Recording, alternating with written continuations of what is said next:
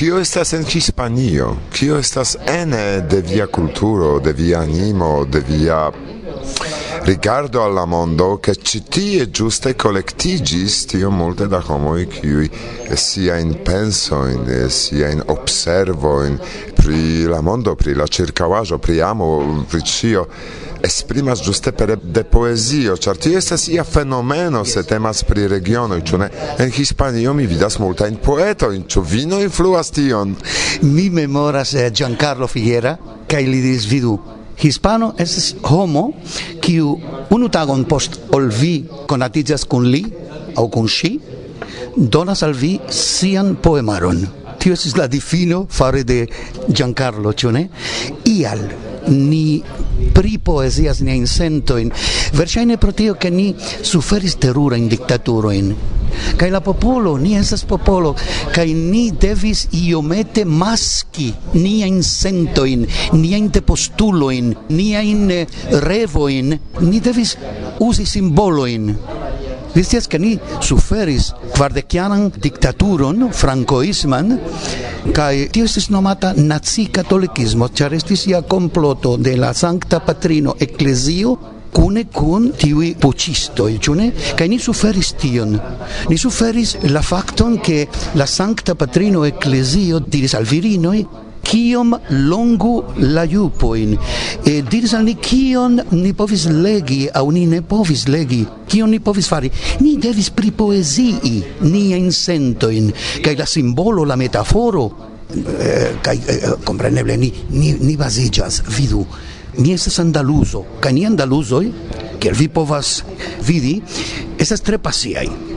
Eh, mi eh, eh, ne nur estas trista au malgaia au gioia sed en tiu momento mia animo falis sur la piedoin. Tio esas Zamehofa esprimo. Tamen, ni andaluzoi estas tie homoj juste en tio kuŝas la magio de Federico García Lorca. Mia sam urbano, che estis murdita de la fascisto ĉu ne? Do, la mondo de la simbolo, la mondo de la metaforo, tia magio. Iero nocte vi vidis, vi spertis tiun magion, vi spertis flamenca incantoin, cae vi spertis la magion de ci regionai arab cae jud devenai cantoi. La nocto farigis eh, kiel eta placo, kiel diris Federico García Lorca. La nocto esis ja eta placo, kaj en tiu eta placo eh, bone ni sonĝis, ni revis, mi vidis vin eh, en, en tiu sonĝo. Danzanta. yes, Danzanta.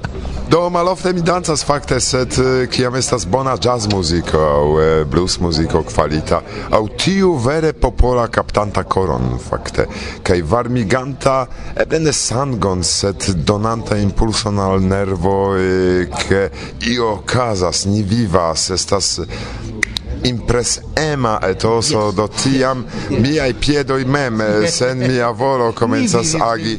Vi ne povis halti e vi devis danci eh, e kai vi creis etoson eh, kiu kun laboris alla generala eh, varmego spirita. Ĉu ne? Vi ciui ci kongresanoj che vi estis vi gvidis vi gvidis la alien vi sencese dancis kai esis belege estis belege fakte. Jes, do malofte oni vidas min dancanta fakte en la grupo, sed Do mi ne scias kio tio kaŭzis, ĉar eĉ bieron tiam mi ne fortrinkis antaŭ la koncerton kaj poste mi iris preni bieron dum la koncerto kiam estis Ĝis eh, kio? Mm. Mi ekzemple estis poste ĝis la kvara kaj duono matene. Sed tio estis afero normala, vi povis vidi multain homoin citieain, eh, por ni hispanoi la nocto estas alia afero. La nocto estas alia afero, kai comprenere ci climato, ci temperaturo, vi povas pravigi tion, ĉu ne? Vi scias, ke ĉi tie eh, ni eh, rendevuas, ekzemple, vidu, mia filino, mia filino, kiam ŝi estis dek kvarjara aŭ dek kvinjara, eh, rendevuis kun la amikinoj kaj tie noktomeze, ĉar imagu la temperaturon y la deca nocte ancora ne noctas. Chitie la suno ne, ne, ne tute malaperas je la deca en la somero ĉu ne? Do tio donas apartan eh, ni diru ludan senton pri la vivo. Kaj bone?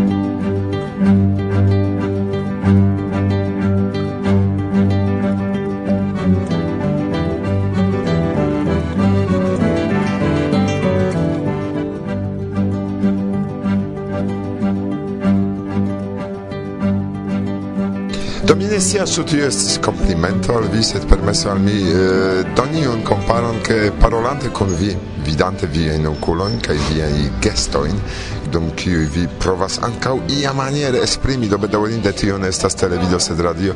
Mi vidas fakte ion, kion mi vidis ĉe Ada Figera Sikorska, yes, yes, yes, tiun vulkanecon. La, mi estas la filo, Ada Figera estis mia patrino, mi ĉiam diras, ke Ada Figera estas mia patrino, ĝis tioma grado, ke eĉ en la momento kiam mi enamiĝis al mia parulino, ŝi malkovris tion per la okuloj, ke ŝi diris, Miguel Miguelito. Miguelito estas careza formo de Miguel, es hispana, Miguelito vien amigis.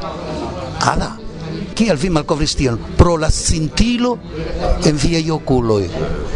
Estas tiu vulcanezzo, ŝi povintus esti andaluso. Absolute yes. Ŝi povintus esti andalusa. Mi visitis eh, Pollandon con ŝi kaj mi estis en Varsovio kun ŝi. Mi estis en Gdansko kaj poste en Varsovio kun la amikoj mirindaj amikoj de de Ada Figuera kaj tio estis kia esperto kia sperto, mi neniam povos forgesi mian patrinon.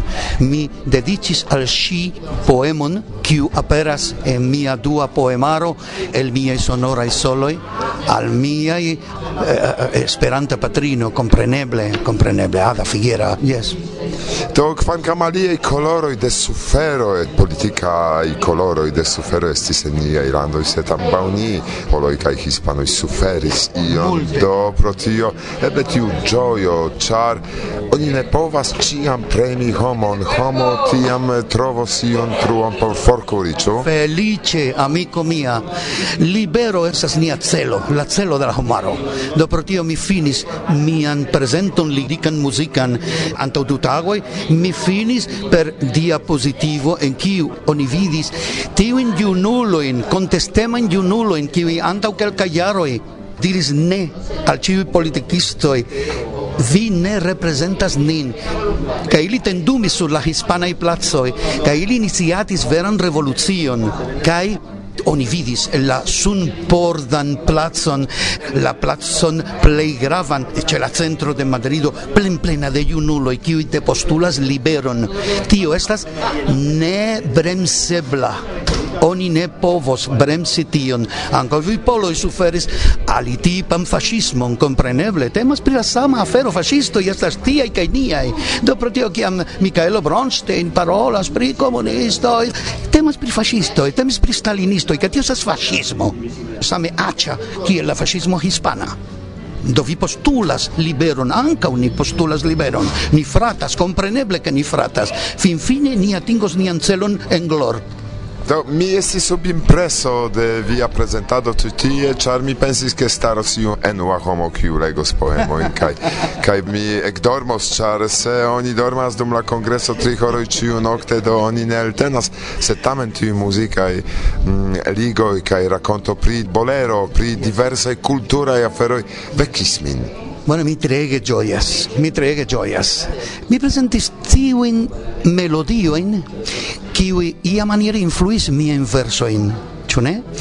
Kaj mi rakontis al vi kial tio influis mia in versoin. Kaj vidu che mi basigis sur tiu bolero, kiu nascigis en cubo, en 1890 kiam Hispanio perdis la restojn de tiu imperio Cubo, Porto Rico, kai Filipino e, e, e foriris bone en nordo. E sed en tiu momento ne nur Cubo, sed ciui Hispan America landoj rigardis ne al la metropolo sed al Francio alla scolo simbolisma eh, kai alla scolo parnassa cioè ne kai ili prenis el tio eh, ian senton priamo priamo libera, assolute libera, senza buoi, pri ciui grandai cae malgrandai amoi, cae tio donas al bolero ien apartan charmon i kai nenur tion sed tie kubai i char oni povas canti pri amo pri ligo kai esti uh, fritpisulo ĉu ne kiel vi vidis ne temas pri frid pisula i aferoj sed kun ritmo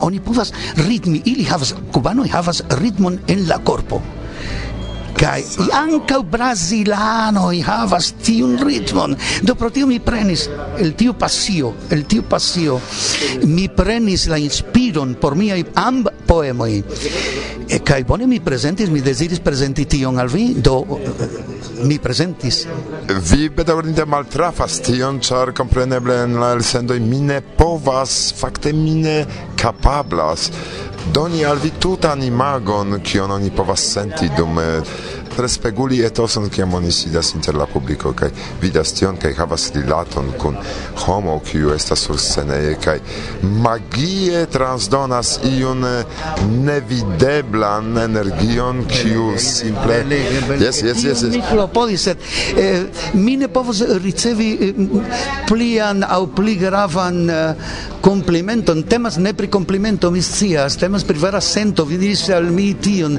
Do se mi kisas rilate al tio mi ne kisas min, ne estas por tio che mi desiras kisi min, ne. Por artisto o por poeto, la fakto che vi contactas, et se nur kun unu homo, qui diras tion, kion vi jus diris, penindus, nur pro tio, penindus unu tutanjaron prepari ion tian.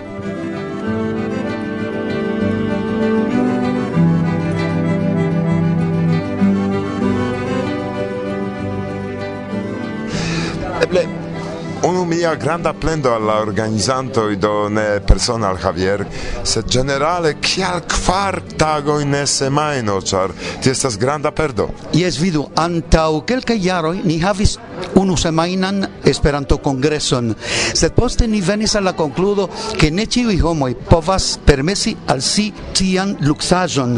Do ni pensis ke estas preferinde nur kvar kvin tagojn, ĉu ne? kai doni venis al tiu concludo. Ci congreso estas aparta. Pasos multa iaroi anta ol ni povos arangi ion tiel gravan kiel ĉi tio. Vi scias ke la artistoj kiuj partoprenis ĉi tie estas unuarangaj. Jomart kaj Natasha, Jomo, Hanslik, Sasha, Mikaelo Bronstein, bone, bone, assorti. Do, ni ne povos tion fari ciujare, compreneble, sed, eh, kiel mi diris al vi, antaue ni organizis unu semaina in congreso, in nun ni ne povus, la homo ne povus elspesi tiom da tempo cae mono do oni petis de ni, ni curtigu la tagoin kai bone ni faris tia maniere. Dauras solena fermo do estas concerto in un tempe set uh, eh, solena forma ne signifas finon de la congreso chargis uh, eh, la nocto nocto finni babilos citie giuo sami amikecon mi diru ciu ne? Via impresoj post la congreso. Vidu la lasta ero de la congreso esas comuna afero afero farita de ciui unu post la alia qui lojas en diversaj partoi do nicune faros nian historion, historion, nian poesion sur base de tio che ante la congreso mi turnas min al homoi al congresano au ilis turnas sin al mi, ni disdonas poemojn au monologojn au ion similan, che sur base de tio poste mi pretigas iun racont fadenon, kai mi klopodas proponi tion kiel opan verkon nian de ni ĉiuj, ne de tiuj grandeguloj, Pavarotioj kaj Montserrat Caballeoj kaj tiel plu. En ĉiu el ni estas arto, la arto estas por la popolo kaj ni ĉiuj kapablas ĝui kaj ĝuigi la aliajn per niaj artaj rimedoj. Multaj homoj malkovras en tiu spektaklo Vivu la teatro, temas pri la kvara okazigo de tiu Vivu la teatro, ke ili ili ne nur giui, sed giui la aliain. Do atendas nin comuna verco la plej grava. Do karaj estos venonta jaro kaj la sepdeksesa kongreso de Hispana Esperanto Federacio. Jam mi reklamas ĝin kvankam ankoraŭ mi ne scias en kiu loko ĝi okazos, sed oni ofte diras ke Esperanto faras, ke Esperanto travivas iun krizon. Ne, ne kaj ankoraŭ foje ne se vi partoprenas tiujn aranĝojn vi tion sentas, ne komprenas, simple sentas. Ni travivu nian kulturon. Estas la unu sola vojo. Kaj kai ni el katakombigu nian kulturon en Madrido jes ni prezentas nian kulturon kaj ni farigis en multaj kvartaloj de Madrido unu plia el la multaj cultura i arangioi kiuin oni povas oferti al la popolo. Compreneble ni devas oferti al lili kai en la hispana kai en esperanto. Sed mi povas diri al vi ke mia lasta traduco de unu el la plej uno mi kiu bohemia y lumo de Valle Inclán tio estis presentita en teatro teatro normal a teatro exter Esperantujo. compreneble Madrida Esperanto Liceo devis lupreni teatron, se tio estis plen plena, kaj plen plena de intelektulo kaj de homo kiu diris al ni: unue, via lingvo estas belega. Due, vi condutis profesie. Trie, vi devas tion fari multe pli ofte. Ni el catacombillas ci amplica y plica y ni presentas libro exemple alia libro. Nova mondo ni ai coro i temas pri poemaro pri socicritica poesio traducita de la hispana en esperanton. Traducita de mi y proponis al mi iu granda filologo hispana kai poeto pri tiu tipa poesio dice al mi Miguel mi havas la intenson traduki al al la sueda Ĉu vi traduku ĝin al Esperanto? Dudek tagojn poste la tuta poemaro estis tradukita al Esperanto, ne nur tion. Mi diris al li, al tiu eminenta, juna doktoro, vidu ke kelkaj poetoj hispanaj elektis ne la hispanan lingvon por pripoemi siajn kritikojn, sed ili elektis Esperanton kaj li diris bonege. Ni aldonu tiujn poetojn kaj dank al tio verŝajne pro la unua fojo en la Esperanto literaturo rilate al difinita temo estis kaj poetoj nacilingvaj kaj Esperanto poetoj kiuj parolis pri la samaj temoj tio estas mirinda kaj ne nur tion Tio estis eldonita de neesperanta eldonejo, kiu proponis al ni fari kolekton por Esperanto literaturo. Tiu kolekto nomiĝos Revo Lucida kiu entenas la vorton revoluci, revolucida. Ni devas apogi tiajn iniciatojn, ni devas esti je la alto de la cirkonstancoj. Ili produktis tiun libron, nova mondo en niaj koroj, kaj ni devas respondi laŭe. Do mi mi vocas vin esperantistoin aceti tiun juvelon ne pro la facto ke mi partoprenas en gis, pro la facto ke temas pri la plej bonaj poetoj en la hispana literaturo pri kritika nuntempa critica poezio. To same hofne hazarde turnis atenton de la esperantistoj ke traduku, traduku, traduku prenu ĉion por ke nia kulturo kresku kaj ke nia lingvo riĉiĝu, ĉu ne?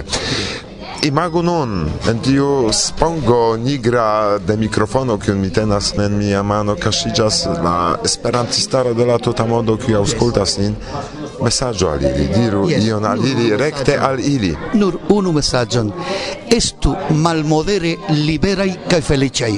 En malferma provizora studio de Varsovia Vento renkontiĝis Miguel Fernández kun ire compreneble kaj rigardu priskribon de la elsendo, ĉar tie estas ligiloj kiuj sendos vin al magia mondo de Miguel kaj vi vidos lin sursceneje, lin kantanta, lin parolanta.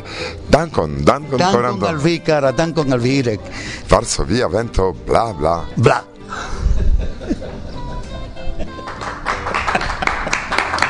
Ha ha ha!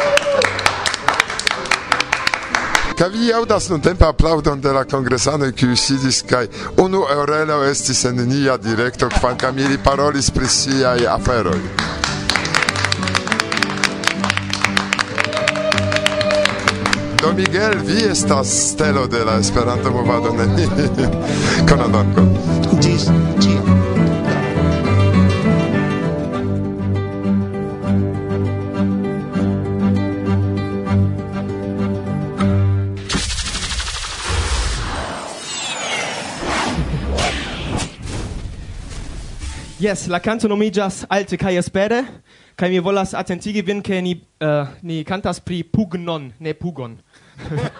mi mes comprenis mem en la en la unua foio. Bone.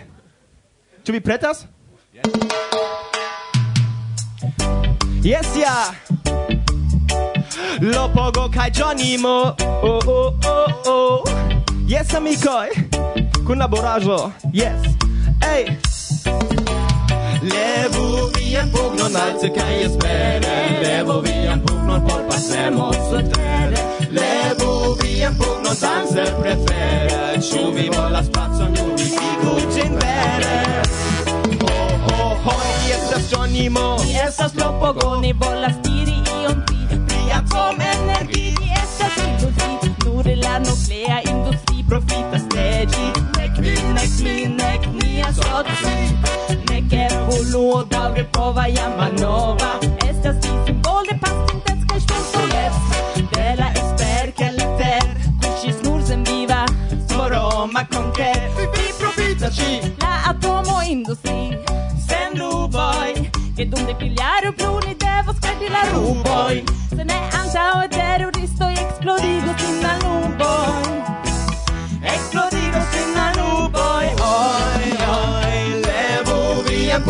Balticaje spere, levo vi en pug, non forpazzemo sul terre. Levo vi en pug, non danze prefere, ciu vi vola spazio, nu vi sigut in vere. Levo vi en pug, non levo vi en manon, levo la esperon, examideano. Levo vi en boccion, la sulla ecranon, vivo vi en meron. Vieni a sano. Ci, ci, ci la verda energian funkcias ci en la partoj de diversaj landoj kaj la lokaj homoj havas bonan sanon do eka nova plano savu la klimaton kaj tro da rubujoj nukleas venenigitaj kuŝas en la tero por venontaj miloj da jaroj Kia mi pen pensas pri la estonto mi ektimas sed nenio ŝanĝiĝos. Se ni ne ŝanĝos nin se ni ne ŝanĝos nin Voi, voi levu vian pugnon alte kai espere levu vian pugnon por pasemo surtere levu vian pugnon danse prefere Ciu vi volas pazon, nu vivigu ĝin vere. Levu vian pugnon, levu vian manon, levu la esperon, examidiano. Levu vian voĉon, lasu la ekranon, vivu vian veron. Je sano. Levu vian pugnon, levu vian manon, levu la esperon, examideando. Levu vian voĉon, lasu la ekranon, vivu vian veron. Je sano. Oh, oh La perdita generazio C'è successo ni faru? Jak dobrze być barankiem i wstawać wczesnym rankiem. Me, me, me, kopytka niosą mnie. Me, me, me, kopytka niosą mnie. Jam koruso formigis. Frida flagistinoj.